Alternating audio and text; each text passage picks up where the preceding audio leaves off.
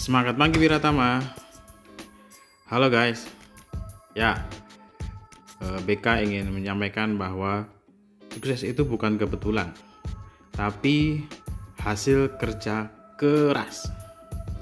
Seseorang sukses bukan karena tak pernah gagal, tapi dia tak pernah berhenti. Kamu tidak harus menjadi hebat dulu untuk memulai, tapi kamu perlu memulai untuk menjadi hebat. Semangat pagi masa depan!